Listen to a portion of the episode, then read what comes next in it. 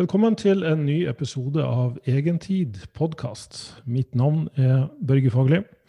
I dag har jeg med meg en god venn og mentor, Jørgen Rasmussen. Eh, en av de eh, smarteste menneskene jeg kjenner når det gjelder tilstands- eller mental trening. Da. Han velger jo sjøl å kalle seg tilstandstrener. Eh, Jørgen har en bakgrunn uh, fra NLP, hypnose og meditasjon, og har uh, eh, jobba med klienter helt siden 1998. Så han begynner å bli en veteran i gamet, kan man si. Han har skrevet to internasjonale vil du kalle bestselgere. Det er i hvert fall bøker som jeg vet at veldig mange har, har kjøpt og lest. Holder òg seminarer internasjonalt og lærer bort en modell som han kaller The Psychological Illusion Model, eller PIM. Eh, og grunnen til at jeg har med Jørgen i dag, er at eh, jeg har jo for det første lært veldig mye av Jørgen og metoder, og metodikk, tankesett som jeg bruker med mine kunder med stor suksess. Uh, og det som kunne være aktuelt å snakke om i denne episoden, er jo litt det med hvilket forhold vi har til oss sjøl, hvordan vi navigerer vår verden. Litt litt her med å skille mellom tanker og virkelighet. Og der vet du at den modellen du har utvikla, Jørgen, er jo midt i blinken for akkurat det. Kan, kan du si litt mer om hva, hva, den går i? Ja, uh, takk for invitasjonen og gratulerer med podcast, Ny podkast. Glede å være her. Um, jo, det, det, kan jeg si. Når, uh, når jeg jobber med klienter og de spør meg hva jeg gjør, så, så, pleier jeg å gi dem en analogi veldig ofte. Og, og, og, den analogien er det at eh, jeg har noen venner som jobber internasjonalt som tryllekunstner og mentalister. Og når de viser triks, så føler jeg meg som regel som verdens største idiot. Jeg, jeg, jeg går jo på alle triksa hver gang. Det gjør jo som regel de fleste, da. Ja. Um, og, og, Det som er så interessant med det, er at på den ene måten så, så skjønner jeg og veit jeg jo at jeg ikke ser helt hans stemme. For jeg veit jo at det er men, men, det føles virkelig. Mm. Og, og, og, når jeg først har gått frem på, så blir veldig mye av det jeg gjør for å prøve å løse trikset, noe som ofte bare driver meg enda dypere inn i den misforståelsen jeg på en måte har fått for meg, og så er jeg stuck. Mm. Og i mine øyne så er det en veldig god analogi for hva de fleste kaller for psykiske lidelser eller psykologiske problemer. At det er, litt som et trylletriks. Altså hjernen vår spiller, litt, spiller oss litt puss. Og så føles det veldig virkelig.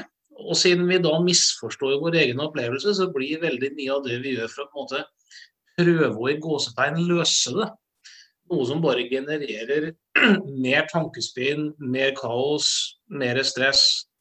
Og så blir det på en måte stuck. Så jeg sier ofte til klienter at ikke se på det her som terapi eller behandling eller noe sånt. Se litt på det som at du hadde blitt med en, en tryllekunstner live bak scenen og fått muligheten ved hjelp av noen eksperimenter til å kunne avdekke hvordan tekstet fungerer. da. Mm.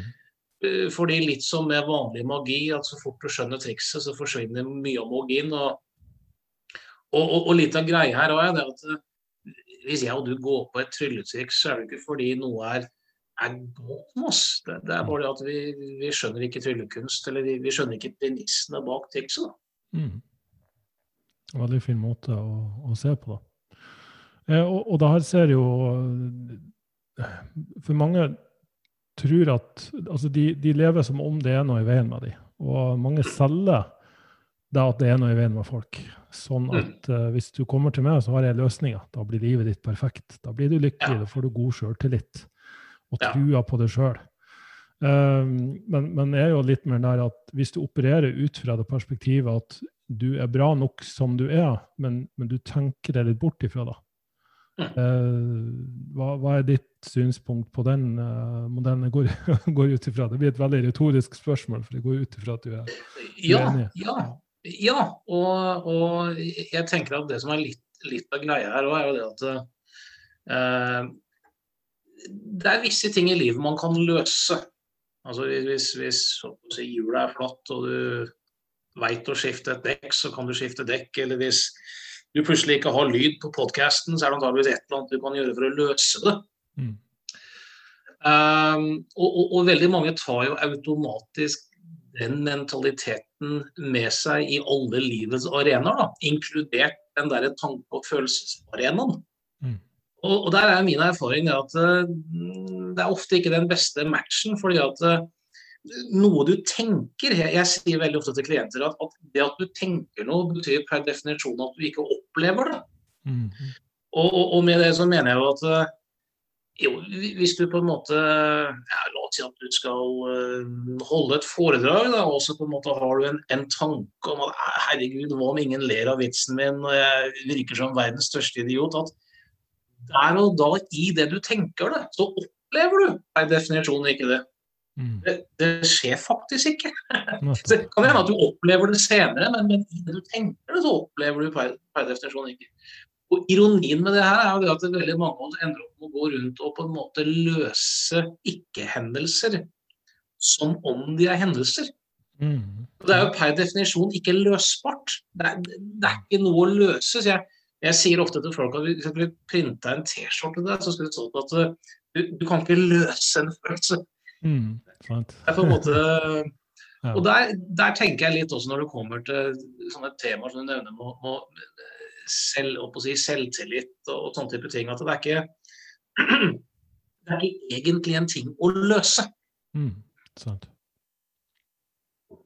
Ja, for det er jo litt sånn en oppfatning av at god sjøltillit handler om at du har gode tanker om deg sjøl.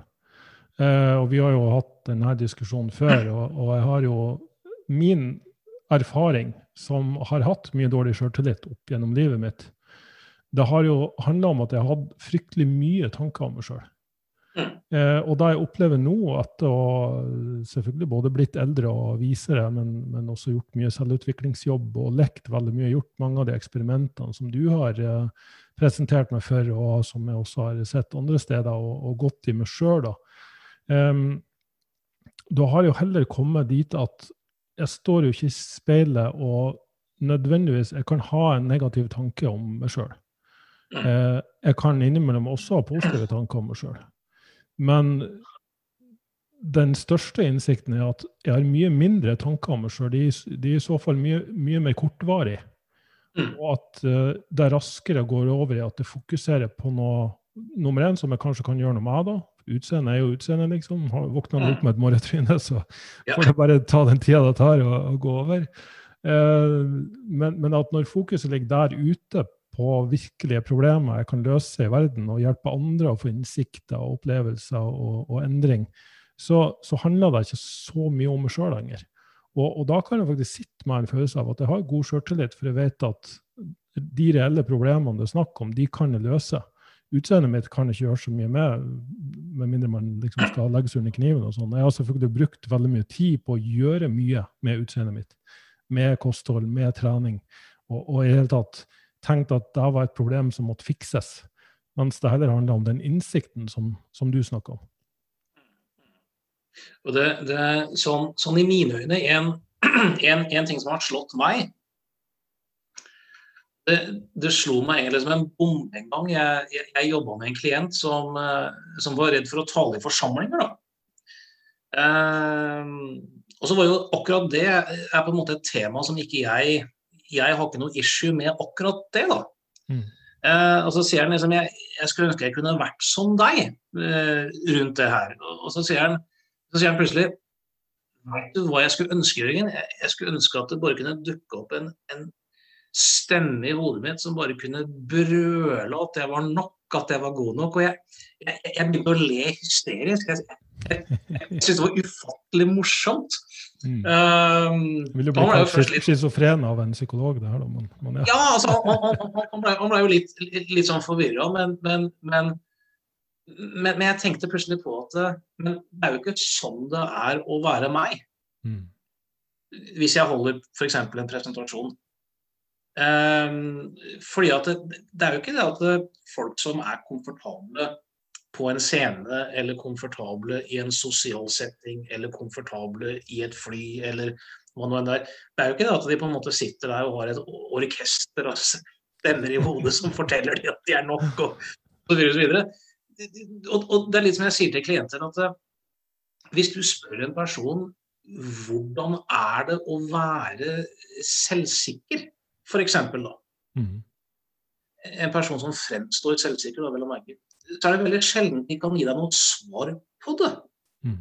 Men hvis du spør noen hvordan er det å være engstelig eller usikker, så kan de veldig ofte gi et svar som jo, vet du hva, det, jeg kjenner jeg får klamme hender, eller eh, hjertet slår ekstra fort, eller knyter seg i magen, eller jeg ser for meg at ting går galt.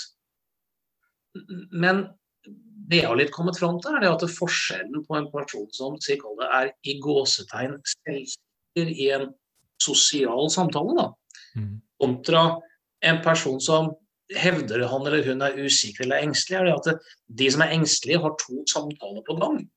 Ja. Personen som ikke er det, har bare én. Ja. Det vil si at Personen som er usikker, har jo samtalen med den andre personen.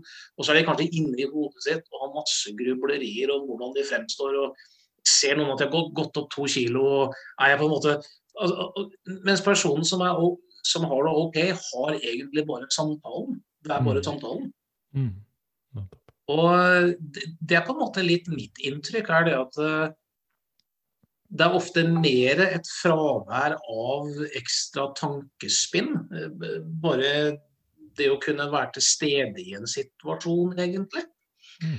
Um, så min erfaring, i hvert fall sånn å jobbe med klienter, er det at det er mindre nyttig å prøve å pumpe opp så det, et, et selvkonsept, og mer nyttig å bare lære å forholde seg litt annerledes tanker og følelser.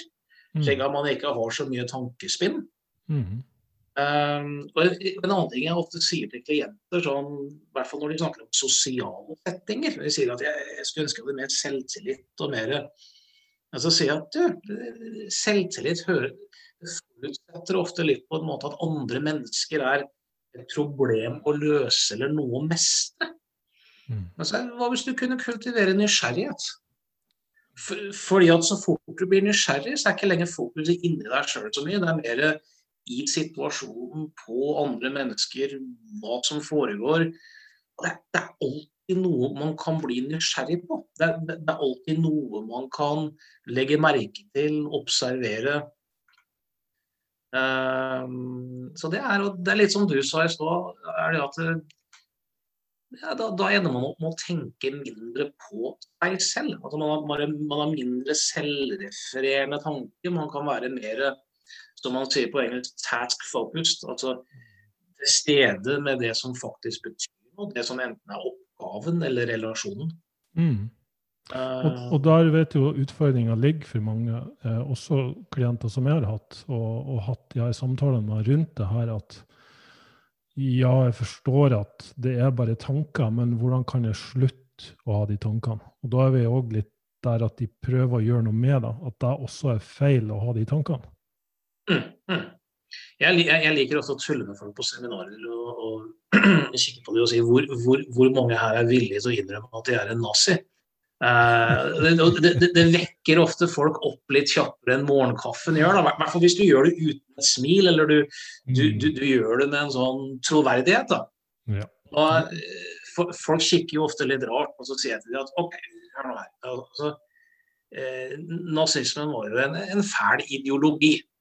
Som i grove trekk gikk ut på at hvis du var en del av den ariske rasen, så var du OK. og var du ikke det, eller en krøpling, eller et eller annet sånt, så skulle du helst inn i gasskammeret så fort som mulig.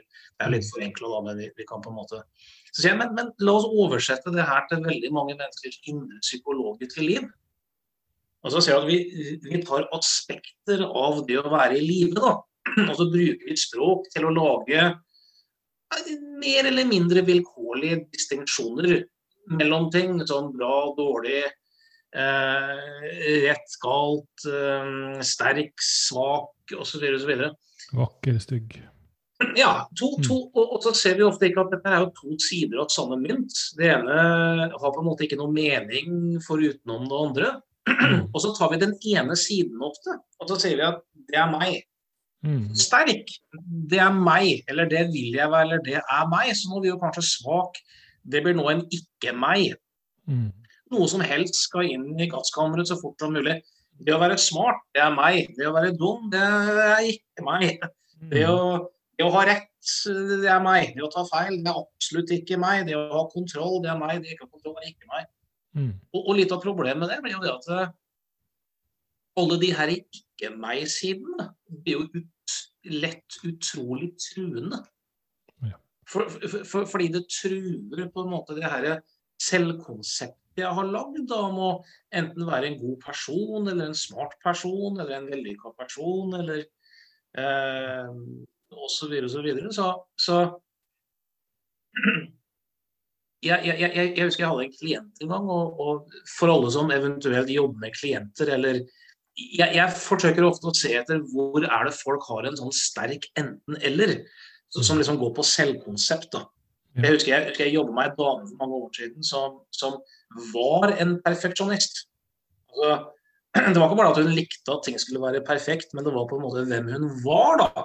Mm. Og hun var også en kontrollfrik, som hun da nevnte. Og du kan jo tenke deg at Det som skremte henne aller mest, det var jo hvis ting da var ute av kontroll, eller hun ikke helt visste det. Som, som da medførte en skjebne av å være engstelig veldig veldig mye av, tiden. da. Mm. Så, så, det å gjøre feil, det, det skremte jo vettet av, fordi det, det trua jo det her selvkonseptet av å på en måte være perfekt. da. Jeg hadde en sånn deal med som jeg kaller for djevelens pakt. Som, som, som, jeg ofte sier at det, jeg, skal fortelle, jeg, jeg, har noe som antageligvis hjelper deg, men, men, jeg, men, jeg trenger å vite at du er villig til å gjøre det før jeg forteller deg hva det er. Men jeg lover deg at det er ikke farlig, uetisk eller fetende. Er. Ikke å slenge med fet, fetende, tror jeg flere kvinner med på. for det Uetisk, umoralsk, don't care. OK, er ikke fetene Det er, det er for så vidt greit. Mm. Og det jeg gjorde var det at jeg sa til at det vi skal gjøre nå, er at jeg skal ta deg med på en bensinstasjon. For vi var litt sånn snobbete og litt sånn som jeg tror aldri ville blitt sett spise noe på en bensinstasjon uansett. da. Mm. Sunn mat og sånn. Altså, vi stilte en sånn stor sånn feit grillpølse med massevis av ting på. Og så sa jeg at jeg vil du skal gjøre en perfekt feil. At, at, at, du søler deg her og griser til deg. Men jeg vil du skal gjøre det så perfekt at ingen kan se at det er staged. Det er nødt til å se helt spontant og helt uvirkelig ut. Mm. Det, her, det, det, det, her, var nesten så du kunne så at nevronene hennes brente fordi det var en sånn i, hennes verden så var det her liksom to helt distinkte så det var en veldig artig opplevelse for henne, som satte i gang veldig mye ting. Og så ga jeg også en oppgave om å sette seg ned og forsøke å finne alle feilene i måten hun hadde definert perfeksjon. Ja. Fordi en av feilene var jo det at hun gikk rundt og følte seg engstelig mye av tiden, men ikke hele tiden. Så mm. skulle det være perfekt, så skulle hun vært engstelig hele tiden. Ja. og, og, og, og, det var en sånn liten mindfuck som finner feilen i hvordan jeg ser på perfeksjon. og er så du kan få folk til å se styrke, se f.eks. svakheten i hvordan de ser på styrke. Ja. Eller, eller, eller, styrken i kanskje visse ting de har sett på som en svakhet. Mm. Forsøker å finne en gråsone eller en slags både-og, da. Der det har vært en veldig veldig sterk, eh, sterk enten-eller. Mm. Um, så for meg så, så, så, tror jeg det at eh, en av de store fellene er liksom at vi, vi, vi lager et, et, jeg eller et meg eller et selv ut av absolutt alt. Uh, Istedenfor å f.eks. For forsøke å lære seg å evaluere altså hva man gjør. Altså handlinger, tankesett, prestasjoner, treningsmetoder som er dårlig, nyttig, unyttig i en gitt kontekst. Men den tendensen til å automatisk legge til at derfor er jeg bra, eller derfor er jeg dårlig. Mm. Det her er en tankebane som man litt kan lære seg å spotte og liksom gå Ålreit, jeg, jeg, presterte veldig bra i dag på trening, eller jeg gjorde en god jobb med den klienten, men trenger jeg å legge til at jeg er en god person for det? Mm. Eller jeg mista kanskje litt besinnelsen rundt datteren min i går og hevde stemmen litt og sånn. Så jeg, det var litt dårlig foreldre opplegg. Er du med rundt matbordet? Men trenger jeg å definere meg selv globalt som en dårlig forelder eller dårlig person basert på det? Kan jeg nøye meg med å kritisere hva jeg gjorde og forsøke å gjøre det bedre neste gang? Uten å definere meg selv som person globalt eller ene veien.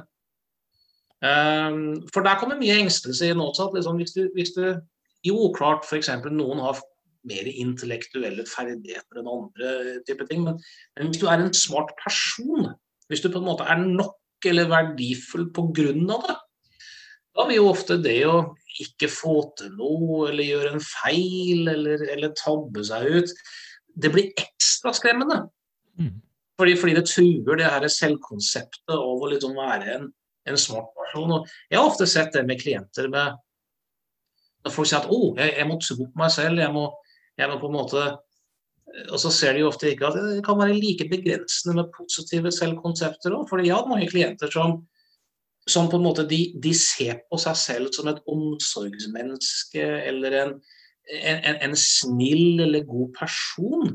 Mm. Og så oppdager de plutselig at de har blitt oppfatta som noe helt annet enn det. Eller de har kanskje overraska seg selv ved å finne tanker og følelser. De har kanskje gjort et eller annet som overhodet ikke matcher det selvkonseptet. Mm. Og, og, og, så føles det plutselig som om at på en måte hele selvet, eller hele hvem de er, er på en måte i skuddlinja.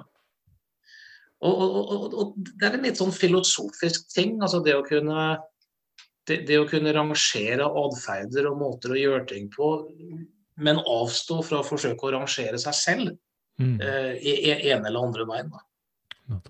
Uh, og et, et, par andre gode poeng her tenker jeg også er det at når, når folk sier til meg f.eks. som klienter at jeg har lav selvfølelse, eller jeg, innerst inne så føler jeg at det ikke er nok, da, mm. så spør de veldig ofte er, det her din tanke.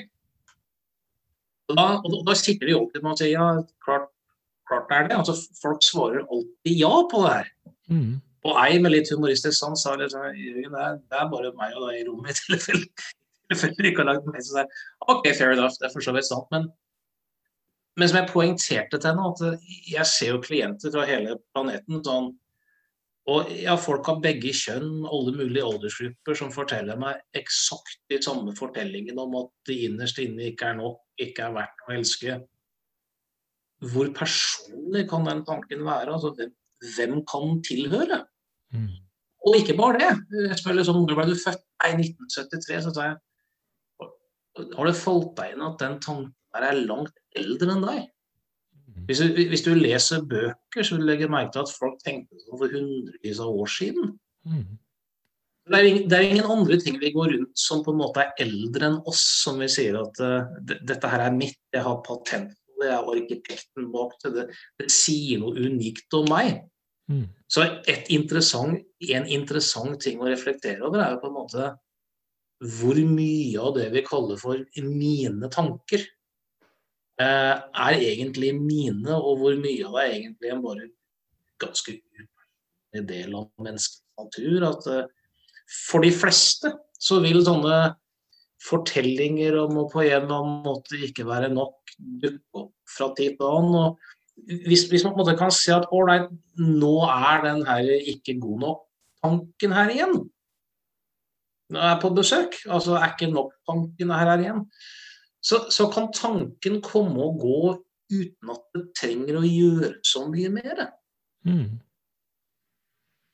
Så, det en, at du, du, du, henger fast i den, at, at, den ikke vil gå bort. på en måte. Du gir den kraft, du gir den energi. og jeg husker du sa det som å ha en nabo som stadig kommer og ringer på døra og, og vil inn på kaffe, og så inviterer du han alltid inn på kaffe. Mm. At det blir en sånn uh, metafor. da. Ja, og, og, også litt om jeg, jeg kødder også litt med klienter. Også hvis noen sitter og forteller meg en sånn fortelling da, om hvor, hvordan de ikke er tilstrekkelige, eller hvordan de har lav selvfølelse, eller hva noe så, så hender jeg kikker på dem og på en måte blunker og sier at har du lagt merke til at du har det veldig vondt akkurat nå, mens jeg har det egentlig veldig bra. det er sånn ultimate drittsekking å si, hvor de, hvor de så kikker på meg med litt sånn der Betaler jeg virkelig for det her? Ja.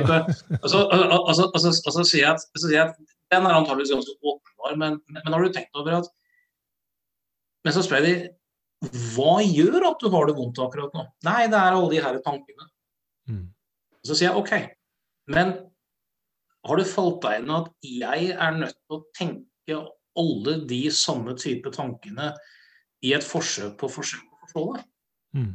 Det, det, det, vil si at i det du på en måte sier at eh, fremtiden er mørk, eller eller uh, at du er redd for å ikke være tilstrekkelig som forelder eller partner, eller uh, at du innerst inne føler at ikke du er nok, eller noe sånt. Jeg er på en måte nødt til å tenke alt det her for å på en måte prøve å forstå deg, da. Mm. Så, jeg, så vi har begge de samme tankene, for så vidt. Du har det vondt akkurat nå, jeg har ikke. Mm. Altså, det er ofte at de på en måte retter seg litt opp og går jo, det er et litt annet perspektiv. og så sier jeg, Eneste forskjellen er egentlig det at eh, du ser på de tankene som dine akkurat nå. Ja. Og jeg ser også for så vidt på de som dine. Mm. Men, men, men, jeg er helt sikker på at du har hatt, selv om ikke jeg sier til de, selv om ikke du har hatt samme jobb som meg, så er jeg helt sikker på at du har hatt samtaler med en kompis eller en venninne eller familiemedlem hvor, hvor, de forteller deg lignende type ting. og Du sitter og hører på det. Du er kanskje empatisk, du føler kanskje med dem. Mm. Men de lider vel, de, og du gjør ikke. Mm. Men i den settingen der, så har jo også du Det er jo nettopp på en måte prøve ut de samme tankene i egen bevissthet. Mm. Men i den setningen her så definerer du på en måte jo, jo, men det er kompisen min Frank sine tanker. Mm. Og, og, og, det er en litt fascinerende ting, for hvis du kan se det, så ser du på en måte det at det, det er på en måte egentlig kun når det dukker opp en tilleggstanke som sier at de tankene her er mine, og det her er meg. Mm. Det er egentlig en tilleggstanke det er det, som, det er det som skaper veldig mye av si, vondheten rundt det. fordi at da ser det plutselig ut som om at eh, det er jo med meg som, som tenker det her, for jeg er jo arkitekten bak tanken. og Det er nødt til å si et eller annet fælt om meg som nå må løses og må fikses. Mm. Men, men, men, uten den tanken om at de tankene er nødvendigvis er mine eller meg, så, så, kan tankene mer komme og gå litt som, litt som regnvær og litt som, som finvær. At ja, du liker selvsagt noen tanker bedre enn andre, men, men det har ikke nødvendigvis den samme punchen lenger. Mm.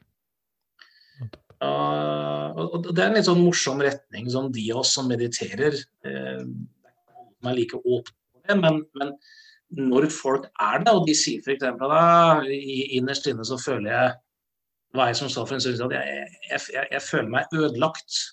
Mm. Jeg føler meg ødelagt. At jeg grunnleggende sett er ødelagt. Så jeg sa ok, så hvis du er ødelagt Hvis det er et ødelagt selv der inne, så bør vi kunne finne det. Og hun, hun, hun oppdaga etter masse arbeid at hun kunne jo egentlig ikke finne et ødelagt selv noe sted. Mm. Altså Hun fant tanker og hun fant følelser, men, men, men hun fant aldri på en måte en, en enhet eller et, et selv, da. Mm. Så, så, det her er spørsmålet right, hvor OK, det, det, det, det her jeget som f.eks. ikke er nok, da. Sånn, hvor er jeg? Det, det, høres ut som et så bisart spørsmål. Fordi folk sier ja, men jeg er jo her. Jeg, jeg sitter jo her i stolen. Nei, nei, men, men, men mer sånn empirisk. Hvor Hvor er jeg? Og, og, og, hvis folk ser etter det, så oppdager de ofte at ah, det er en liten pause der. Det går på en måte blankt. det er ikke, Og så dukker opp nye tanker. Ja, ja, det gjør jo det. Eh, men, men, det er også en litt sånn interessant, interessant retning å på en måte gå i. er å på en måte gå ok, det, det, det, her, det her er jeg eller selve som på en eller annen måte er defekt. Um, hvor er det? Mm. Hvor, Eh, og Det man oppdager etter hvert, er jo liksom det at det, det er et sett med tanker og følelser da, som på en måte blander seg sammen og får det til å virke som en ting. Mm. En, men, ting med tanker og følelser. Og det her kan jo selvfølgelig høres veldig sånn dypt og filosofisk ut. Eh, eksistensielt og spirituelt, om du vil. Uh, uavhengig av mm. hvilken retning du vil ta det i. Det bør jo nevnes at de to bøkene du har skrevet, de heter 'Provocative Hypnosis' og 'Provocative Suggestions'. Så du mm. er kjent for å være en som provoserer. Og på ja. den måten klarer å skape reaksjoner hos uh, mennesker, og at det dermed skjer en endring. Um, mm. Og jeg har jo vært hos det flere ganger. Uh, tre ganger, tror jeg, i hvert fall. Uh, pluss at jeg har vært på den workshopen du hadde i, i London. Um, og da slo meg en av de gangene så, så var jeg hos deg for, for, nettopp fordi jeg hadde mye smerter. Gikk rundt og kjente etter veldig mye. Hadde mye vondter. Og, og, da snakka vi mye rundt de her tingene her. Um, og sånn rent pragmatisk så var det eneste jeg trengte å gjøre neste gang jeg dro på trening, Fordi da var det veldig sånn at med en gang jeg begynte å skulle gjøre en øvelse, da hadde jeg liksom festa seg ei tankerekke rundt den øvelsen. Da var det litt sånn. Takla skuldra mi det her? Får jeg vondt nå? Lytta til enhver uh, lyd, knase- og knitrelyd. Kjente at det enhver sånn altså skulderstilling og posisjon. Men det eneste jeg liksom fikk i oppgave, da, det var å, å, å rett og slett minne meg sjøl på det her er kun en tanke. Mm. Og så enkelt som det. Og mm. da husker jeg opplevde for jeg husker jeg kom hjem og så måtte jeg teste her på stuegulvet. Og så la jeg meg ned i en sånn pushups-posisjon. Og eh, begynte umiddelbart den samme prosessen med mm, kjenne etter, vondt. Begynte å senke meg ned, og det var jo etter skulderoperasjoner og alt mulig, så jeg har jo en legitim grunn til å ha en smerte der. Men i det i det jeg sa til meg sjøl det her er kun en tanke, i det sekundet jeg hadde gjort det, så var det som om smerten forsvant. Altså, den opplevelsen av smerte var borte. Og det her er jo også da i tråd med, mer moderne terapimodell som ikke bare er rent fysisk, at du skal gå inn og knekke, manipulere, massere, tøye, styrke, hva enn det er snakk om, men mer en sånn um, forståelse av kroppen som en organisme som er utrolig motstandsdyktig, tøff og sterk og i stand til å reparere seg sjøl, og at mm. veldig mye av den opplevelsen vi har av eh, styrke, svakhet, smerte, smertefrihet for den saks skyld, da, går mer eller mindre på tanker og tolkning enn mm. på virkelige fysiske opplevelser. Da. Så, så en sånn viktig og da er det jo litt sånn Byron Kitty-basert, da. At, at en, en, metode også har kommet fram til det en sånn eh, kan, Er det her virkelig sant? Kan jeg vite om det her er sant? Er det her en tanke som bare gjør meg stressa og bekymra? Og i så fall er det her en tanke som er verdt å ha. Mm. Eh, og, og, med en gang jeg begynner å, å, granske tanken og skille mellom at ok, det her er en tanke, men det er ikke virkelighet, så, så, så får jeg en sånn um, innsikt på at det er egentlig tanken som er problemet, det er ikke det tanken forteller om, nødvendigvis. Uh, så, så, den ser jeg sånn um, generelt sett er en gjenganger i de ulike temaene, om det er smerte fysisk i kroppen. Jeg har mange som sliter med mage, og dermed vil uh, De har fått en IBS-diagnose, og så vil de ha hjelp til ja, hvordan skal jeg spise? Hvordan skal jeg en jeg snakka med forleden dag, han hadde jo vært hos en psykolog, og han har sagt at ja, det her er rent psykosomatisk, så du må bare bestemme deg for å tenke annerledes. Så vil, så vil det her gi seg av seg sjøl. Um, men, men jeg, ser, jeg, ser, jo selvfølgelig både det fysiske aspektet ved det. Ja, det er mulig at ved å endre på noe av den maten vi spiser, kan, kan du gjøre noe med det mageproblemet. Men veldig mange som har de her problemene, også har en historikk ved at de tenker veldig mye på mat og hva maten gjør med kroppen.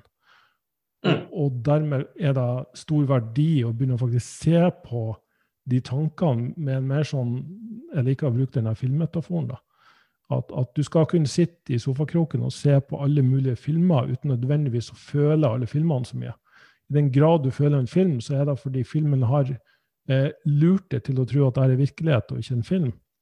Eh, men hvis du satt i en slags sånn filmanmelder, observatørrolle, og begynner å kanskje skrive ned filmens handling i overført betydning, eh, tankenes betydning, tolkning, opphav, hva enn, så, så, får du da på en måte ut av det sjøl og, og, på en måte begynne å rekalibrere litt hva som er tanker og virkelighet. Um, ja. ja. så, så um, du kan trekke den, Det er interessant også, for du, du, du kan også trekke den videre og si at det, i, egentlig så skal man kunne føle enhver film også uten at det er noe problem. Det vil si at, vi, jeg si du går og ser en bra film, og vi Grunnen til at det er, er trygt for oss i gåsetegn å gjøre det, er jo fordi at vi skjønner at det er en film. Mm. Eh, og, og, og, det er jo nettopp det som gjør at vi på en måte er trygge nok til å gi slipp og på en måte lar oss forføre inn i en god film.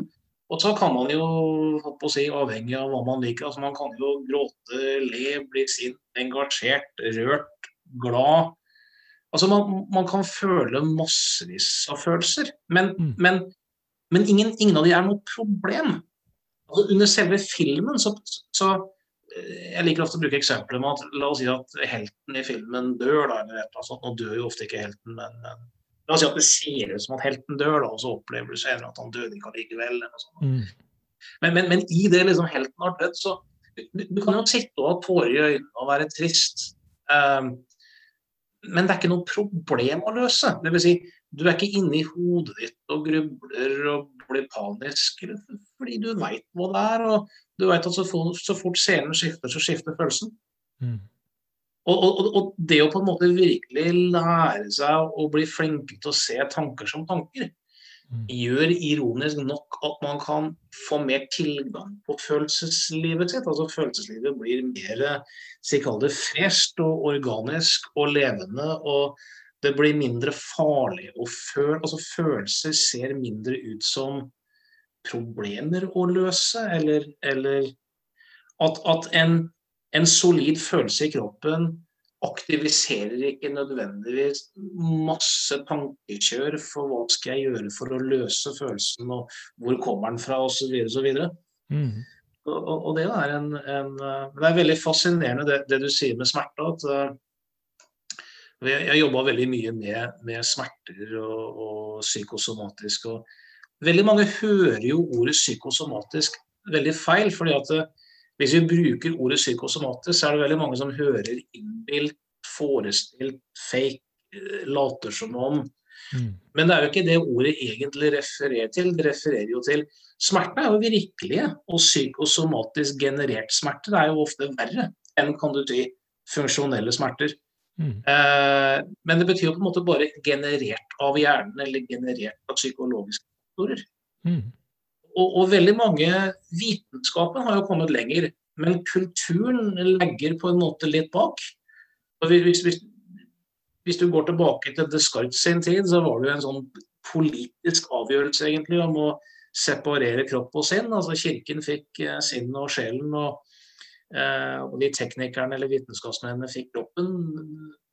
Måte og det var jo et, I dag så vet man jo at dette er et veldig fiktivt skille. At, at hjerne- og immunforsvar og alt det er som et veinett hvor alt kommuniserer med alt. Mm. Så I dag så vet vi at det der er i stor grad fiksjon, men, men vi har i hundrevis av år levd som om det er sant. Mm.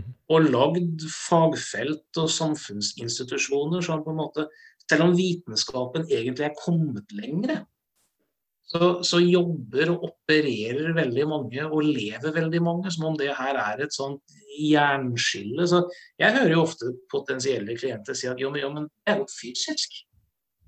Ikke sant? Og, og, og det er psykisk. Og, og, så har de en sånn nærmest et sånt jernskille mellom de to. da. Mm. Og altså det, er, det, er jo veldig kjent for eksempel, at, at blyforgiftninger kan jo bidra til hallusinasjoner f.eks. Og, og, og, hva som skjer psykologisk og følelsesmessig kan ha dramatiske effekter på, på, på kroppen.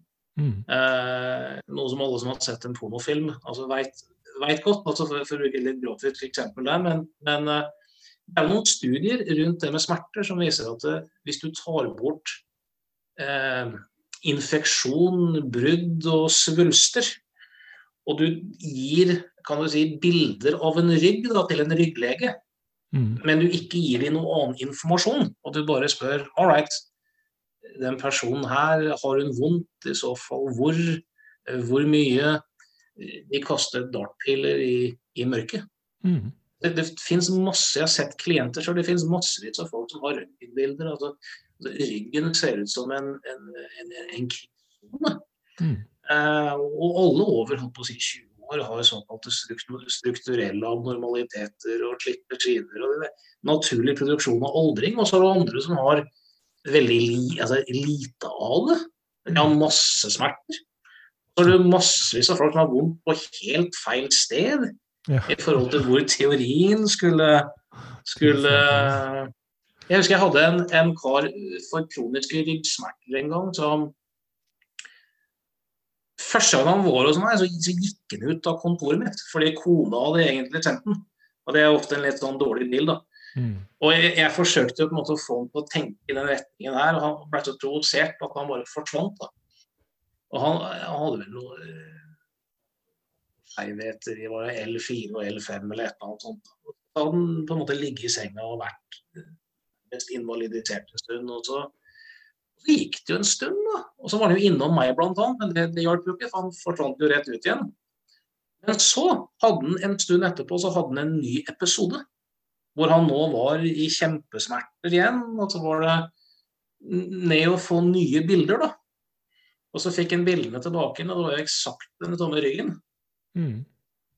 Og så kom han tilbake igjen og sa all right, jeg har, jeg har en innrømmelse. For han sa det at jeg Det gikk Det var sånn Du hadde jo rett, ditt svin. Altså, det var nesten sånn Han, han, han, han lo, men det var litt at han skjønte at Vent nå litt. Jeg har hatt ingen smerter, enorme smerter og litt smerter med i gåsetegn eksakt den samme ryggen. Ja. Og, og, og, det var det som gjorde at på en måte lyset gikk, og smertene Altså, de slapp. Det var det. Det var ikke at jeg gjorde noe magisk, men han, han, han skjønte på en måte tegninga, da. Mm. Og veldig mye av kroniske smerter er jo, er jo bare redusert blodtilførsel til dette området. og Så har vi en mild oksygenmangel, og så gjør det kjempevondt. Så det her kan hjernen skru av og på. Ja, ja, ja. Og eh, da, og da tenker jeg også å ta opp, eh, å ta opp et, et, veldig interessant tema som i hvert fall var sånn mind-blowing for min del. Og da var jo med at du har jo faktisk kurert allergier ved å, å snakke om de her tingene. Ja, selv om jeg misliker veldig ordet kurert. Ja. Eh, for, for, for, for jeg, jeg, gjør jo på en måte ikke det. Altså, alt, alt, jeg gjør, er jo bare å lage en setting hvor Litt som han karen med ryggsmertene. Da. Ja, At folk kurerer ikke... sin egen allergi er kanskje bedre? Ja, at, at, at, at, på en måte du, du, lager en setting hvor folk får muligheten til å gjøre en oppdagelse. Eh, men, men interessante, det, interessante, med allergier er jo, er jo Jeg bruker jo liksom følgende analogi litt. Da, jeg sier at ok, La oss si at du har to personer som sitter på et fly. Eh, det er ingen flykaprere, det er ikke noe styrt, det er en vanlig flight. Den ene er livredd, og andre helt avslappa. Det kan ikke være fly i seg selv, for det er sånn med flighten. Det er nødt til å være en, hvordan man tenker fly. da, som på en måte, og det, og det er jo de fleste villige til å akseptere. Så sier jeg ok, hvis vi legger bort kropp-sinn-skillet, hvis vi ser på det som ett integrert system Ok, det er en katt der, da. To personer klapper på en katt og får litt kattehår på seg. Den ene har en full allergisk respons. Den andre er helt, helt OK. Det er samme katten.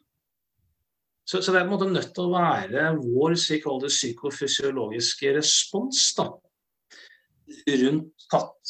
At vi på et eller annet plan har at immunforsvaret vårt på et eller annet plan har markert ut det her som, som et virus eller, eller, som en trussel.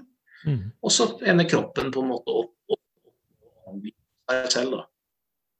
Jeg, hadde, jeg kan gi deg en lynkjapp, sånn veldig basic eh, klientstory for ikke lenge siden. Jeg hadde en kar som plutselig utvikla allergi for hund. Mm. Altså i voksen alder. Og så var han plutselig kjempeallergisk for hund. Og så presenterte jeg for ham ideen om at immunforsvaret ditt vet jo egentlig hvordan du skal være rundt hund.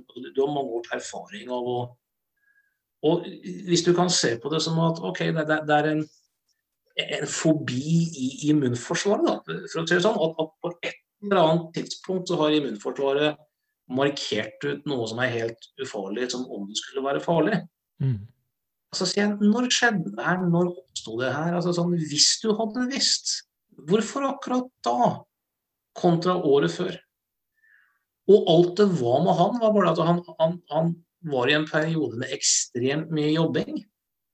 Han nedprioriterte søvnen sin veldig, så han endte opp med sånn fire-fire og en halv time over en periode, som vi i dag mer og mer veit mer og mer hvor farlig er. Ikke sant? Sånn, så, så, så, han gjorde det, og så, var det også han som gikk tur med hundene. Da. Det var to hunder eh, tidlig på morgenen. Begynte etter hvert å si at litt. her har jeg drevet rovdrift på meg sjøl i lang tid. Søvnen min er ute. Jeg lever i en slags fight or flight-tilstand. Og så blir hundene plutselig et ekstra ork som gjør at jeg må opp enda tidligere. Mm. Voff. Og så er det plutselig en Voff, ja. ja, voff. ja. som en innsiktsvoff. er det med? Og han, han, det var litt sånn, Du, du kunne se han inne på kontoret at han begynte å gå Oh, that makes sense. Og så gjorde vi et par prosesser. Mm. Og, og, og, etter det så har han vært OK. Da måtte vi også begynne å sove litt mer igjen. og, mm, og eh, selvfølgelig. Eh, ikke sant sånn, men, men det er det, det, å jobbe med en allergi, det, det høres så hokus pokus magisk ut for mange at de tenker at her må det være noe helt spesielt som Mm. Jeg vil heller ta en medisin eller sprøyte. Og akkurat det med hundehistorien, faktisk, en i mm, Facebook-gruppa mi som sa nettopp at han har veldig sånn ekstrem hundeallergi. Men hvis, hvis, det var snakk om en valp, og han fikk den valpen, og han bare begravde trynet sitt i pelsen på denne valpen. Over mange nok dager, så hadde han ingen allergisk respons mot akkurat den hunden. Mm. Ja. Og, og, og, og, det også er jo veldig veldig fascinerende. Og jeg har, Det som også er fascinerende, som mange ikke vet i forhold til allergier, er jo det at det, det er jo veldig mange som tar de medisinske testene eh, som viser at de ikke er allergiske, men de har alle symptomene som de skulle hatt hvis de hadde en allergi. Mm. Er andre som testene viser at de er allergiske. Men de har ingen symptomer, så jeg er en av de. Jeg, jeg var og tok noen helsetester for noen år siden, fordi jeg var plutselig veldig slapp i en periode. og Vi fant ut at det var en vitamin D-mangel, så jeg fikk i meg det, og så var ting bra igjen. Men, men han legen var sånn Han sa 'katten din må ut'. Og jeg sa 'hva er det du snakker om?' Jo, katten, du, du har en ekstrem katteallergi. Du, du, du, må ikke eh, Han skulle skrive ut medisiner, og jeg sa at jeg, jeg aldri noensinne hatt et symptom i hele mitt liv for, for uh, Nei, dette her var ikke snakk om det. Han sa du, du topper skalaen. At du er liksom Tast, Tasten viser, derfor må du være, være det. Men, men, men, jeg husker at neste gang jeg var hos eh, mine svigerforeldre, da, som har katt, og koste med den, så begynte jeg å kjenne litt, og da begynte jeg bare å flire. så jeg, jeg, skjønte jo hva det var. Men jeg tok jo bilder av meg sjøl med katt og sånn, og sendte det til han der legen. Han så ikke humoren i det i, i det hele tatt. Så jeg bytta jo lege. Ja. For, jeg, for, for, for, jeg ville jo tenkt sånn at min type lege ville jo på en måte gått kult. Ja. Mm. Og så blitt nysgjerrig, blitt leken og liksom gått Det er litt fascinerende. Mm. Hva, hva, hva, hva, kan det her eh, hva, kan det her bety? Der um, sa du faktisk noe som jeg noterte med at uh, vår siste samtale her. Uh, for da sa du Hvis jeg må få fram den der. Du sa at tenåringer bekymrer og deprimerer seg mer nå enn for en generasjon siden. Og en sannsynlig årsak er at i dag er vi overfokusert på trygghet i stedet for å la barn leke. Det, det, er noe research rundt det her. Uh, hvis noen vil lese, så er det en veldig god bok som heter 'The Coddling of the American Mind'. Skrevet av en psykolog og en advokat, uh, Jonathan Haidt og Greg Lukianoff. Mm. De viser til en del studier som, som, som viser til det at uh, det er langt mindre fri lek og, og, og, at vi er avhengig av fri lek sånn vi vokser opp, for å kunne teste grenser og finne ut av ting og vurdere risiko realistisk osv. Det tror jeg har en sammenheng også med allergi litt. At, mm. Som mange hevder, at hvis, hvis, du lever for klinisk og for renslig, så immunforsvaret får på en måte ikke en treningsøkt. Og, og, i forhold til engstelser også, at, at uh, i, i, dag er alle så opptatt av traumer. Mm. Men, men jeg, jeg, tror ikke det at dagens tenåringer er noe mer traumatisk enn vår generasjon eller generasjonen før det igjen. Eh, men, men, jeg tror de er undereksponert for, for, fri leik, og det er en ekstrem fokus på trygghet. Mm. At, at, at, De kaller det for en concept creep. ikke sant? At, at Før så var jo trygghet kanskje mer enn sånn Blir du kjørt over av bilen, eller er treet for høyt å klatre i? Mens nå har vi jo plutselig fått et klima hvor folk har krav på å beskytte høre meninger de kanskje ikke liker, som kan mm. utfordre noe de tror på eventuelt. Eller at vi har jo blitt så sprø at vi, vi, vi, vi, fjer, vi begynner å sensurere barnesanger. Og du kan ikke ha en Eskimo på en pølsepakke lenger fordi mm. kanskje medlemmer av en urbefolkning et sted kan bli støtt. og Mm. Det, det, er en tendens i å på en måte se etter krenkelser og trusler i absolutt alt. Mm. Og, det, og, det, ser jeg også litt med klienter. at, at eh, jeg, jeg, jeg, forsøker ikke å, å, bagatellisere mobbing, fordi det kan være et, et genuint problem. så det er, ikke, det er, ikke, et forsvar for mobbing, eller noe sånt, men, men, men spørsmålet blir litt sånn hvor langt Hva hører realistisk hjemme innenfor den kategorien? og Jeg har hatt klienter som har fortalt at de har blitt mobba, og så begynner jeg å grave litt i hva de mener med det. Og så kommer du ned til at deres forslag på jobben gikk ikke gjennom. Ja, ikke sant. At, at du, du, eh, jeg husker jeg, Som et annet eksempel jeg, Du har sikkert hørt om Stine Sofies stiftelse. Ja. Jeg husker jeg og kona mi vi var på et sånt foredrag i forbindelse med barnehagen da, for mange år siden. Og klart, De gjør jo bra arbeid. Altså, jeg mener, ingen er jo, altså, De aller fleste av oss er jo for og, at ikke det skal være vold mot barn. Altså, det er jo, det er jo men så blir jo spørsmålet hva, hva hører hjemme der? Så de starta med den her fortellingen som er helt grusom om de to barna som blir voldtatt og drept. hvor Enhver forelder eller enhver person med puls mest sannsynlig er følelsesmessig engasjert. Ja, ja. Men så begynner den forholdsholderen her å begynne å prate om, om hva hører liksom hjemme under kategorien vold mot barn. Og så det en sånn lang liste, og så kommer det plutselig stjele klem. Stjele en klem, ja. Stjele en klem. Og så husker jeg tenkte, tenkte faen, er jeg nødt til å være den som opponerer igjen, for det er alltid meg. altså sånn der, du kikker og, så, og så var det guds, og så var det gudskjelov ei dame som rakk opp hånda og sa stjele klem, og så sa spiller det ikke en rolle hva slags forhold du har barna. altså Hvis barnet sier 'kom og ta meg' og ler og du stjeler klem, men, men, mm. men, de ler mens de sier nei, kontra hvis et barn 'nei, stjeler klem', det er liksom sånn mm. ja. hard, hard limit, hard stop. Ja. Hvis, hvis, du strikt skulle fulgt den lista der, så innså jeg at altså, det er jo både et offer og en overgriper. Altså, omtrent alle er. Mm. Ja, jeg, jeg, jeg, tror, jeg, tror, jeg litt nær er i ferd med å ende opp med konsepter som trygghet og tauner og sånne type ting. er det at den, den strikken altså, det, det, blir så altomfattende at folk begynner å se farer i nesten alt. Ja. Og da er jo litt interessant med den tida vi lever i nå, hva blir konsekvenser av et samfunn som har vært i lockdown? Eh, mindre fysisk kontakt. Du kan ikke ta noen i hånda eller gi en klem lenger. Eh, du skal liksom drive med en albue eller en fot. Eh, den eneste fysiske kontakten du kan ha. Vi må holde oss hjemme. Det har vært diskutert portforbud. Um, ungdommer får ikke møte sine jevnaldrende lenger. Du, du, kan maks ha to eller fem kontakter per uke, avhengig av hvor du bor og hvordan reglene tolkes. Jeg er litt spent på å se konsekvensene det her kan ha i, i hvordan folk forholder seg til ikke bare verden rundt seg og andre mennesker, men også seg sjøl.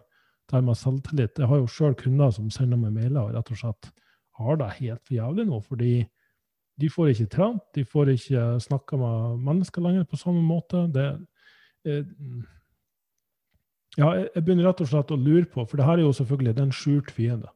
Et virus kan man ikke se med det blotte øyet. Vi, vi, kan ha symptomer som med en gang jeg fikk litt vondt i halsen her en, en dag, så er det oi, nå er det korona, liksom. Så at de, tankene løper av gårde. Jeg ser veldig mange paralleller med det vi har snakka om uh, i denne samtalen. Altså, men ja, nei, Manglende Hvis du ser på en del eldre, litt ensomme mennesker, også litt av grunnen til at noen av dem begynner å hallusinere og bli skrullete, er, er jo antageligvis blant andre faktorer at uh, hvis ikke du har noen å prate med og lufte ideene for, hvis ikke du får noe realistisk feedback og korrekt fra verden, mm. så, så, kan det være lett å på en måte lulle seg inn i veldig mye rart. Jeg, jeg tror at veldig mange menneskers sånn normale liksom, feedback-mekanismer også er, eh, er eh, og Samme tenker jeg også med familier og relasjoner. at eh, det er jo sikkert en del ekteskap som delvis overlever fordi folk har tjent sånne fluktrutiner og ja, ja, ja. ting de kan stikke av med og sånn. Nå, nå, er plutselig mange av de tingene der borte. Og så er folk på en måte tvunget til å, tvunget til å deale med hverandre. Men, men ja, det ser ut som vi står er inne i en tid som ingen har noe solid kart over. Eh, og så tenker jeg at desto, desto viktigere blir jo liksom jeg, jeg, jeg, sier ikke at ikke livsomstendigheter betyr noe, eller at ikke verden betyr noe, fordi selvsagt gjør det det. Så, så, så det, er ikke en, det er ikke en men, men, jeg tenker at til syvende og sist altså, er det jo på en måte ditt eget sinn som på en måte oversetter verden eller omstendighetene til noe bra eller noe dårlig. Mm.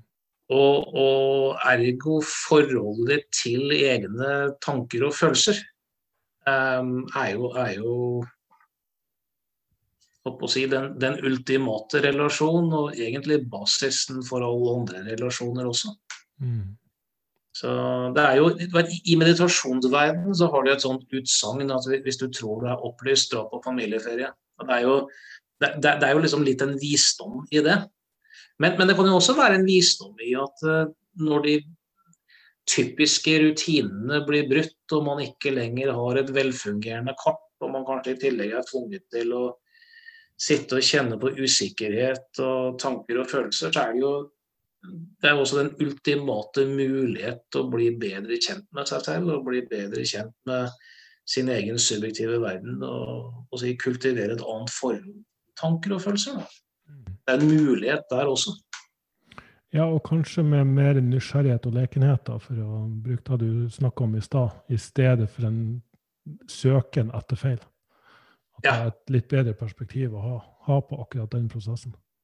Ja, det, det, det, det, tenker i hvert fall jeg. Uten å bagatellisere. Konsekvensen av korona er jo forferdelig for mange på mange plan. Det, er ikke det, men, men, det er alltids muligheter i ting også. Ja, ja. ja og da er min uh, fanesak er det her med å innse og akseptere at livet vil være en sånn endeløs rekke med utfordringer og problemer som skal løses på en eller annen måte. Men hvis du inni deg sjøl kan ha en tillit eller tro på at du alltids vil komme ut av det på andre siden, på godt eller vondt, så, så tror jeg du, du, har et mye bedre apparat for å rett og slett komme, komme deg opp av senga om morgenen. altså enn ja. en sånn åh, det her takler jeg det her, klarer jeg det her, er bra nok. Eh, perfeksjonisme, flink gutt, flink pike. Altså, det er så mange sånne merkelapper som, som, jeg føler misbrukes, og gjør at man blir stuck og fanga i en sånn tilstand, en sånn fastlåst, rigid posisjon, i stedet for at du alltid er i endring, du er alltid i utforsking. Du, du, er, eh, du er på vei et sted, uansett om du vil eller ikke, fordi tiden går. Ehm, så, så jeg liksom Jeg vil heller prøve å løfte folk dit at prøve å se litt eh, det større perspektivet, uh, enn en å liksom gå det helt fast i liksom et spor, et mønster, og, og tro at det sier noe om det sjøl. Og, og, så er det et lite trylletriks der også, som jeg, som jeg ofte med klienter kaller for altså, hvis-bare-fenomenet. Og det er det at eh, Hvis du får inn noen som f.eks. engster eller depper, eller noe sånt, så, så, har de veldig ofte en sånn bare. Hvis bare jeg fikk meg en kjæreste. Mm. Hvis bare jeg får den jobben. Hvis bare jeg går ned ti kilo. Altså, altså, hvis bare jeg blir ferdig med husprosjektet nå. Altså, hva enn det er for noe, da er ting bra. Mm. Da skal jeg få det bra med meg sjøl igjen. Og folk tror jo alltid på det her. Og, og nå forsøker jeg ikke å insinuere at det ikke kan være verdt å jobbe for de tingene. Det er, det, er ikke det, men, men, det tar jo aldri lang tid før jeg får en ny klient som har tikka alle de boksene. Mm. Og, de like, og, de er like, engstelige. Ja. Og de har, og de har Jeg, jeg har jobba med mennesker som har vært styrterike. Som, som har problemer med å sove om kvelden fordi de er så engstelige for at de skal miste pengene. Og de har en sånn Jo, det er greit, jeg er rik, men, men, men jeg veit at det kan forsvinne når som helst, for jeg vet hvor sårbart det er. Mm. Eh, ikke sant? Eller du har personen som har Noen ganger si sier jeg til klienter at du sånn er glad for at ikke du har oppnådd målene dine. for at eh, hvis du hadde gjort det, så ville du antageligvis oppdage at jo, du er ekstatisk en stund. Men så kommer nå hverdagen igjen, og det er de samme tankene og følelsene. og Det er veldig lett for folk å da få en sånn kalddusj og tenke at jeg er jo ikke glad nå heller. De, de samme tankene om å ikke være nok jeg er jo her fremdeles. Mm. Og så, Før så hadde de jo håp, for de hadde ikke nådd det store målet sitt. Mens nå mister de plutselig alt håp, og da er de mer engstelige og, og mer deppa enn en noen gang. Mm. Og, og, jeg har jo også jobba med med flere toppledere. Som, dette er litt sånn fascinerende ting, hvor de, hvor de Det er ikke at jeg jobber med så mange av dem, men jeg jobber med noen av dem. Og bortsett fra én, så har alle delt den samme si, grusomme hemmeligheten. Hvor, hvor, når du blir litt kjent med dem, så lener de seg fram og sier at det er noe jeg egentlig aldri deler. og det er, det er på en måte, men, men jeg er nødt til å si til at liksom, på tross av hva folk tror og alt jeg har oppnådd, og egentlig innerst inne, så, så går jeg med en følelse av egentlig ikke være nok. Mm. Og, de, og, og, de, forteller det som om det er en, en, en, dyp personlig hemmelighet som de nå endelig i trygghet på en måte kan, kan anerkjenne. Og så tror de at det er noe å løse. Ja.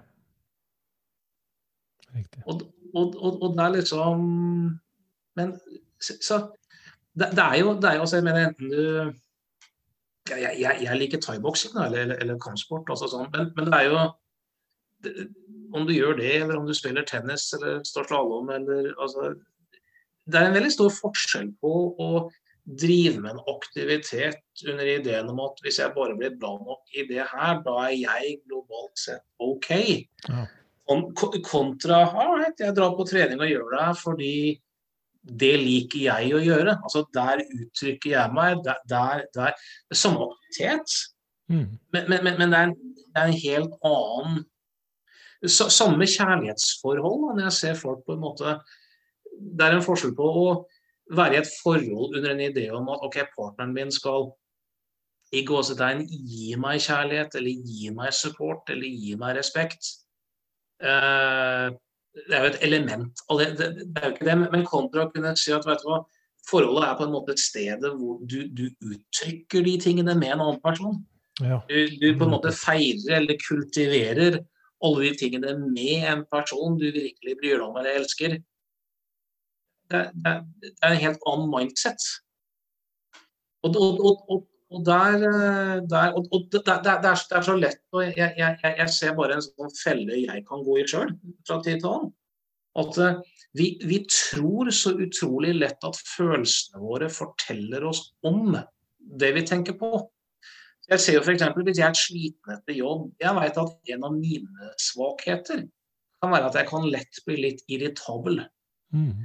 Jeg har ikke så mye tendens til å bekymre meg, sånn, men, men, men irritabilitet kan være litt litt min sånn greie. Og, og, en felle der er det at hvis jeg kommer hjem, vært på jobb, ting og tang, full fart, kommer hjem irritabel Mange sekunder før hjernen min snekrer sammen en fortelling om at det er kona mi og barna mine og hunden min som er kilden til den irritabiliteten her. Altså, jeg, altså, default er jo på en måte å outsource det til de. Og, og, og, og så, så nå ser det jo plutselig ut som om at irritabiliteten min forteller meg om kona mi og barna mine. Mm. Og uh, Voila, eller Voff igjen, da, altså, siden hunden er der det, det, det, tar jo ikke mange sekundene før jeg kommer på at uh, det er noe som har blitt sagt eller gjort, eller datteren min har ikke hengt jakka si, eller kona mi har glemt det, eller sønnen min er vrang. Det tar ikke mange sekundene før hjernen min elegant snekrer sammen en fortelling om at det er på en måte kilden Mm. til følelsen jeg egentlig hadde før jeg kom inn døra. Og, og, og nå må plutselig det her løses. Ja. Det er klart, Hvis datteren min nå ikke hører etter når jeg snakker, mm. så er det jo det som plutselig nå gjør meg irritert. Så nå mm. må jo hun skjønne at hun må, før jeg kan ha det bra igjen. Og liksom det, det, og liksom det, å, det, hender jeg går på den her sjøl. Men, men, liksom bare det å kunne spotte og si at all right, ser du verden gjennom oransje virtual reality googles, mm så ser jo alt oransje ut. Det ser ut som at det forteller deg om verden, men det forteller deg egentlig om egne robots. Og det å kunne si at all right, nå, nå er jeg i en irritabel sinnsstemning. Det her forteller meg ikke om datteren og kona mi og sønnen min. Det forteller meg at akkurat nå så ser jeg det gjennom irritable virtual reality googles.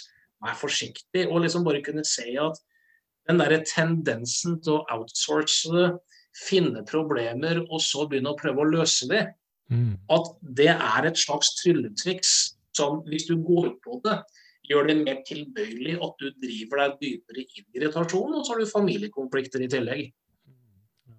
Og det, og, og, og det er liksom sånne, er sånne små Der har du den derre 'hvis bare'.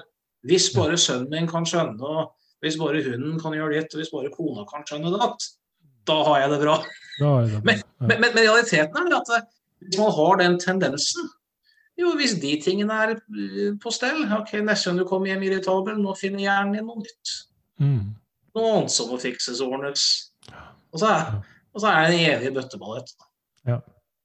Og der, der man, jeg, jeg- tror liksom jo, jo mer man Det er litt det jeg ser i hvert fall i min jobb. Da, jo, jo mer man kan se litt upersonlig i det, og finne humoren i det, og liksom finne litt av den derre Dette dette er noen interessante mekanismer og feller som vi går i. og der, der, ligger veldig mye av liksom Det å kunne si at veldig mye av det som så så personlig ut, er, er egentlig ganske upersonlige altså For, for enhver som lytter, altså sånn, for meg som har sett klienter i over 20 år, jeg, jeg, jeg lover at nesten alle du treffer eh, Hvis du sliter med tanker om å ikke være nok eller ikke være tilstrekkelig, nesten alle har de tankene her, mer eller mindre, uavhengig av hvordan de ser ut, hvor mye de tjener, hva de har oppnådd. Og, og, liksom litt bare det å vite det, og vite at det er en ganske upersonlig del av For at de tankene dukker opp, litt som irritasjonen i stad, da, tar ikke mange sekundene før hjernen din outsourcer og går OK, gud, jeg må bli så og så mye sprekere, jeg må spise sånn, jeg må tjene så og så mye, jeg må fremstå sånn, jeg må få publisert den boka, jeg må, jeg, jeg må oppnå alle de tingene her før jeg endelig kan bli Og, nå sier jeg ikke at ikke noen av de målene her kan være verdt å eh, å si strekke seg etter, men, men ideen om at eh, man vil få man, At man plutselig vil være nok som resultat av det. Mm. Der ligger illusjonen. Ja. Hvis hvis du skriver den boka fordi det er det som bor i deg, og det er det du uttrykker, og det er det du på en måte har å dele med verden, fantastisk. Men, men hvis man gjør det under en idé om at hvis jeg bare får til det å få gode nok liksom, reviews, da, da får jeg en såkalt god selvfølelse. Nei, lykke til. Og det, og det er liksom litt, litt å, å, å, å bare kunne se det der litt, Ja. er, er eh, ofte nyttig. Ja, og da, da skulle jeg si i stad at det har jo vært der at jeg trente for å eh, få validering på at jeg var stor og muskuløs og sterk. Altså at jeg kunne få anerkjennelse for det. Og, og til nå at nå trener jeg fordi jeg ønsker sjøl å trene, fordi jeg kjenner at det er bra for kroppen. Og at hvis jeg ikke trener, så, så føler jeg meg ikke bra lenger. Eh, og som jeg har vært gjennom mange relasjoner der det har handla om at jeg trengte den valideringa på at jeg var attraktiv, eh, og at jeg kunne vise at jeg var en forsørger, vise at jeg kunne ta vare på. Altså vært i relasjoner som handler veldig om at jeg må ta vare på. Eh, til nå å være i en relasjon der det handler om at, som du sa, det er et sted man kan uttrykke. Uttrykke kjærlighet, uttrykke støtte i stedet. Mm. Uten å nødvendigvis forvente å få noe tilbake hele tida. Mm. Og, og, og, og dele det med noen. Ja, og, Og dele det med noen. Mm. og, og paradoksalt nok også være trygge på altså at, at hvis noen faktisk deler det, så er det ikke lenger weird nødvendigvis. At det er Mm. OK. Det, det, det, det er trygt, det også. Og det, det Mer og mer så har jeg landa på det her med, med, med aksept. At, at liksom veien til frihet, altså litt sånn corny Ikke så mye ligger i å ha de rette tankene og rette følelsene, men, men mer på en måte I hvor stor grad har du på en måte friheten til å tenke og føle hva enn du tenker og føler? Mm. var bra. Veldig bra sagt. Og, og hvis du kan ha de der sjøl, så har du også større rom for at du kan i gåsetegn tillate andre å tenke og føle det de tenker og føler også. Du blir mindre avhengig av at noen andre nødvendigvis må se deg på en viss måte fordi du trenger det fordi du vil se deg selv på en viss måte. Mm. At, at, at det spillet der Jeg sier ikke at det ikke blir borte, at det ikke må, men, men det tones ned. Mm. Og, og, og selv når det dukker opp, så kan man litt mer se det upersonlige og se humoren i det. og se nå, nå er det prosjektet der i gang igjen. Ja, ja nettopp. Begynne å gjenkjenne, og det er jo da tilstandstrening går ut på. Det er ikke at her er det metode eller teknikk som vil fikse det, men det er trening på å gjenkjenne det når det oppstår. Ja, jeg, jeg syns det er en bedre analogi. Jeg, jeg, ser på det litt som at det er en blanding av innsikt. altså Det er visse ting man liksom kan skjønne og, og, og se. Men, men, så er det også liksom litt det å kultivere en ferdighet eller en skill. Mm. Og klart, Nå har jeg en kjempebias som aldri har gjort noe annet og jobba med det her hele mitt voksne liv. Men, men, for meg så er det jo helt utrolig hvis du tenker på eh, skolegang. da, Hvis du går tolv år på en sånn grunnskole som så å si alle går. da, Mm. At liksom du, du, lærer litt om tall og språk og geografi og historie og, og alt det der. Altså, men, men, fokuset er si 100% fokusert utover. Ja. Og så er det null fokus innover. Mm. Som, som, i null. Mm. Ja, du kan si at jo, man har jo norsk, og man, man må leve seg inn i karakterer. og si, ok, men, men, jeg kan aldri huske f.eks. i min skolegang å ha hatt en time f.eks. Mm eller, eller frykt eller plikt eller, eller uh, en time som handla om Hei, du vet hva, nå skal vi bare utforske din subjektive opplevelse av, av, av hvordan det oppleves. Og, en time, ikke én gang. Mm. Og, og, og, det tenker, det tenker, jeg er ganske, ganske urolig. For, for da sier man jo egentlig til barn og unge at eh, på en måte at ah, det som skjer inni deg, det, det er ikke viktig det er enten ikke viktig eller det er ikke relevant. Mm.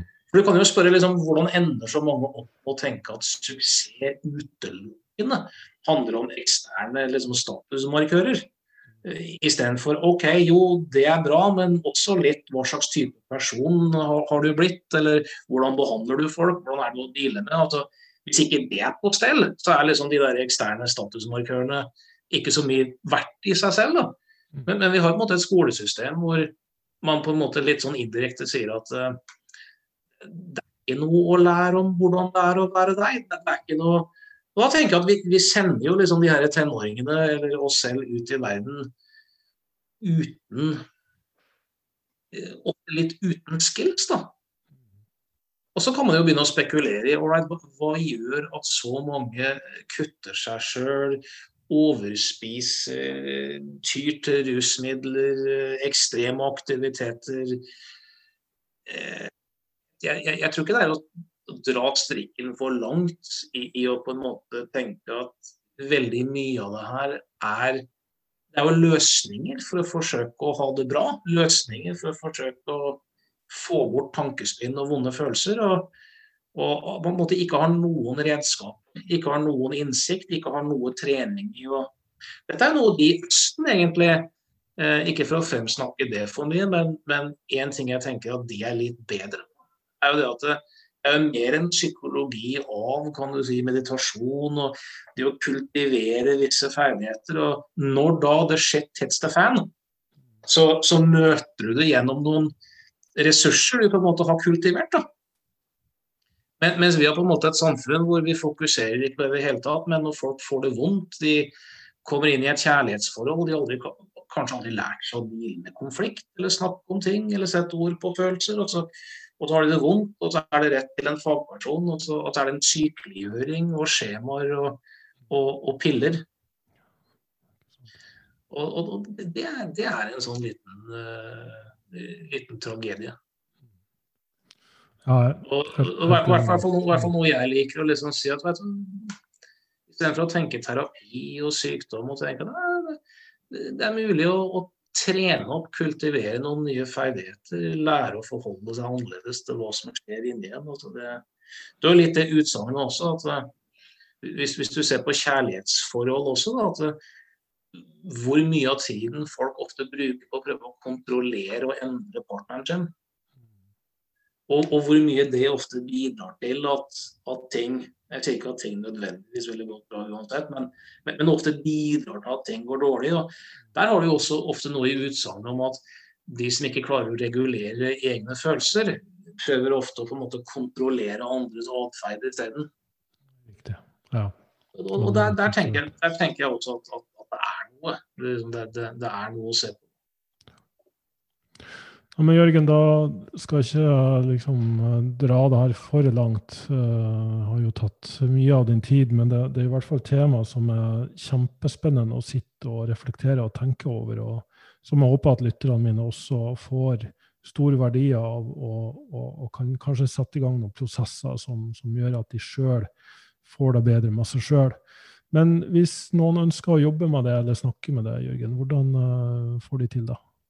Veldig enkelt. Bare gå inn på tilstandstrening.com. Jeg linke til den i, podcasten. Og, så er det også en YouTube-kanal som heter Provocative uh, Hypnosis, som har en del videoer rundt sånne her type ting. Ja, og den er engelskspråklig. Den, den er engelsk, den er engelsk. Ja. Da skal jeg linke til de i podkastbeskrivelsen. Og så vil jeg bare si tusen takk for eh, alle de interessante perspektivene og refleksjonene rundt de her temaene. og at, for at du, du, vil ta deg tida til å være med, Jørgen. Setter stor pris på. Ja, takk for at jeg fikk komme. Det var en super samtale.